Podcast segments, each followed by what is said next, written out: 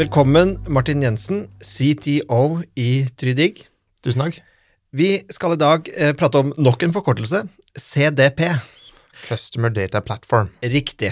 Og jeg har jo skjønt såpass at dette er noe veldig mange norske bedrifter er opptatt av om dagen. Det å eh, altså Nå er ikke jeg teknolog som deg, men det handler om å samle dataene og informasjonen et sted, så man kan bruke dem fornuftig. Mm. Men det er nok noe mer avansert forklaring på det. Kan du fortelle meg hva det er? Ja, altså en CDP, eller man kan kalle det også kundedataplattform. Eh, Det er et verktøy som gjør at du kan eh, på den ene siden samle og, og sammenstille alle data du har om kundene dine, uansett i hvilken eh, kanal det er, om det er på nett eller mobil eller butikk. Og så på den andre siden kan du bruke de dataene til da enten å personalisere og markedsføre eller segmentere, og få innsikt i det. Hva er det det løser i forhold til hva utfordringer veldig mange eh, står i? Eh, Det første det løser, jeg kan bare ta det som kort, eh, det første det løser er da denne datainnsamlingen. Ofte så har man flere forskjellige steder data går. Det går til kanskje noe som hjelper deg å måle trafikk på nettsiden, det går til et CRM-system, det går til et backoffice-system. Eh, Alle den dataen går veldig mange forskjellige steder. Så det er dette med å, å slå sammen den datainnsamlingen til ett sted, hvor da absolutt alt av hvordan kundene dine interagerer med deg, uansett hvor det er, det kommer da i ett sted.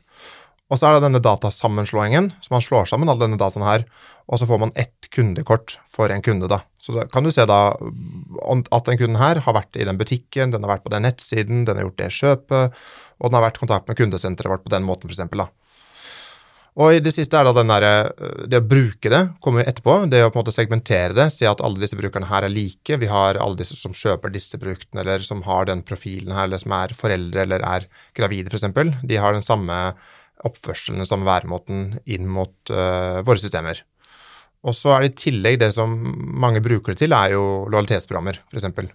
Det å kunne tilby tilby personalisering, det å kunne tilby rabatter på, til visse grupper, til visse um, segmenter, uh, er det veldig mange som bruker sånne customer data platforms til, da, og bygger lojalitetsprogrammer på.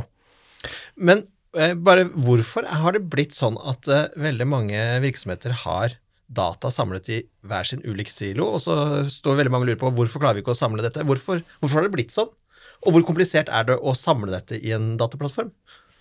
Altså, jeg vil si at mange har vært veldig gode på samlingen lenge. Eh, man har samlet masse data i kanskje sånn mer tradisjonelle databaser og steder der man ikke liksom får tak i det. Man har på en måte puttet data fordi man har hørt at det å samle data er viktig.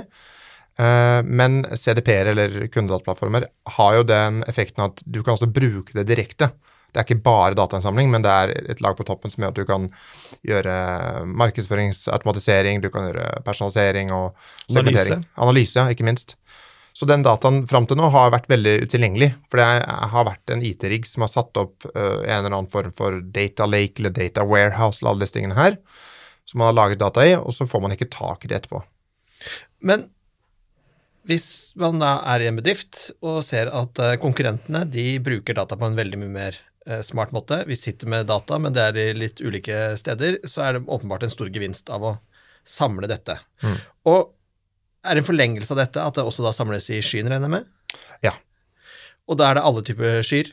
Ja, man kan ofte velge selv om man ønsker å, å stå opp for den datalagringen selv, eller om man skal sende det videre til et sted den leverandøren har det, eller Det er mange forskjellige måter å gjøre dette her, på, men, men, um, men det, det som er viktigst tror jeg å få med seg fra dette med CDP, er jo at det høres en data uh, det høres som en datalagring, men det er på en måte data, altså agering, å klare å agere på data. Det er det CDP har latt oss gjøre. Hvis man da gjør dette, samler eh, alt i en kundedataplattform, eh, har man da også noe fortrinn hvis man f.eks. tenker at man skal bruke AI? Ja, absolutt. Um, en del av denne personaliseringen eller analysene som disse kundedataplattformene gir, er jo basert på AI-modeller.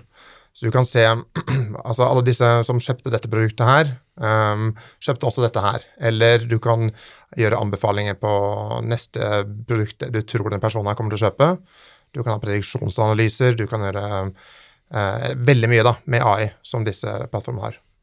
Ja, Er det da typisk at uh, en person uh, kjøper en, en eh, graviditetstest, så kan man regne med at man da kan Den er i markedet for bleier eller bar barnevogner om ni til tolv måneder? Ja, 100% Og så er det jo mange av disse tingene her Vi snakker mye om AI, men mange av disse tingene kan løses veldig enkelt også uten AI.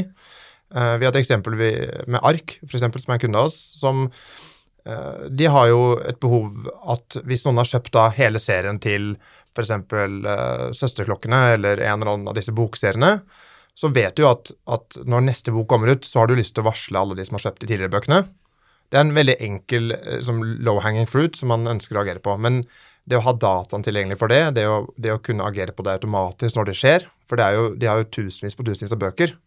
Og man kan ikke da sette opp én og én på en måte flyt for alle disse bøkene. Da må man ha et automatiseringssystem som skjønner at disse tingene er i samme serie, som skjønner at disse personene har kjøpt disse bøkene før. Så det er et sånn konkret eksempel på hva en, CDP kunne hjulpet deg med.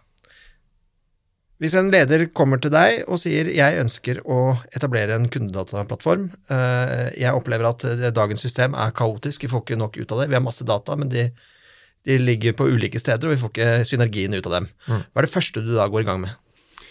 Eh, det første jeg går i gang med, er egentlig å forstå hva de, hva de ønsker å gjøre. Er det markedsføringsautomatisering, å sende ut e-poster, push-varsler og sånne ting? Er det forstå og analysere dataene sine bedre? Eller er det f.eks. å segmentere og, og, og, finne ut hvilke kundegrupper og hvor de har inntjening, f.eks. Um, og så finner man da et system Vi har flere systemer vi jobber med, um, f.eks. Bloomreach, som er et av de. Um, og så ser vi på hvilke som på en måte passer det behovet best. Um, og uh, ofte så er det sånn at de har jo, veldig mange har et eller annet system som ligner på noe av det her i dag, som de sliter med å jobbe i. Og, og det er ofte til dels fordi systemet kan være vanskelig eller dårlig satt opp eller vanskelig å jobbe i. Men ofte så er det også at du, du har ikke noe dataeier. Du har ikke noe eier som eier kundeprofilen i, i, bedriften din. Du har ofte de som eier web, du har noen som eier mobil, du har noen som eier lojalitetsprogrammet, du har noen som eier eh, et eller annet touchpoint. da. Eh, men det å klare å bestemme at her skal noen eie denne kundeprofilen på tvers av vårt selskap, eh, og dataene og flytende i det, eh, det er også veldig viktig i prosessen her. Og det å samle dem gjør jo sannsynligvis også gjør det enklere å prioritere mellom ulike eh, aktiviteter, vil jeg tro. Absolutt.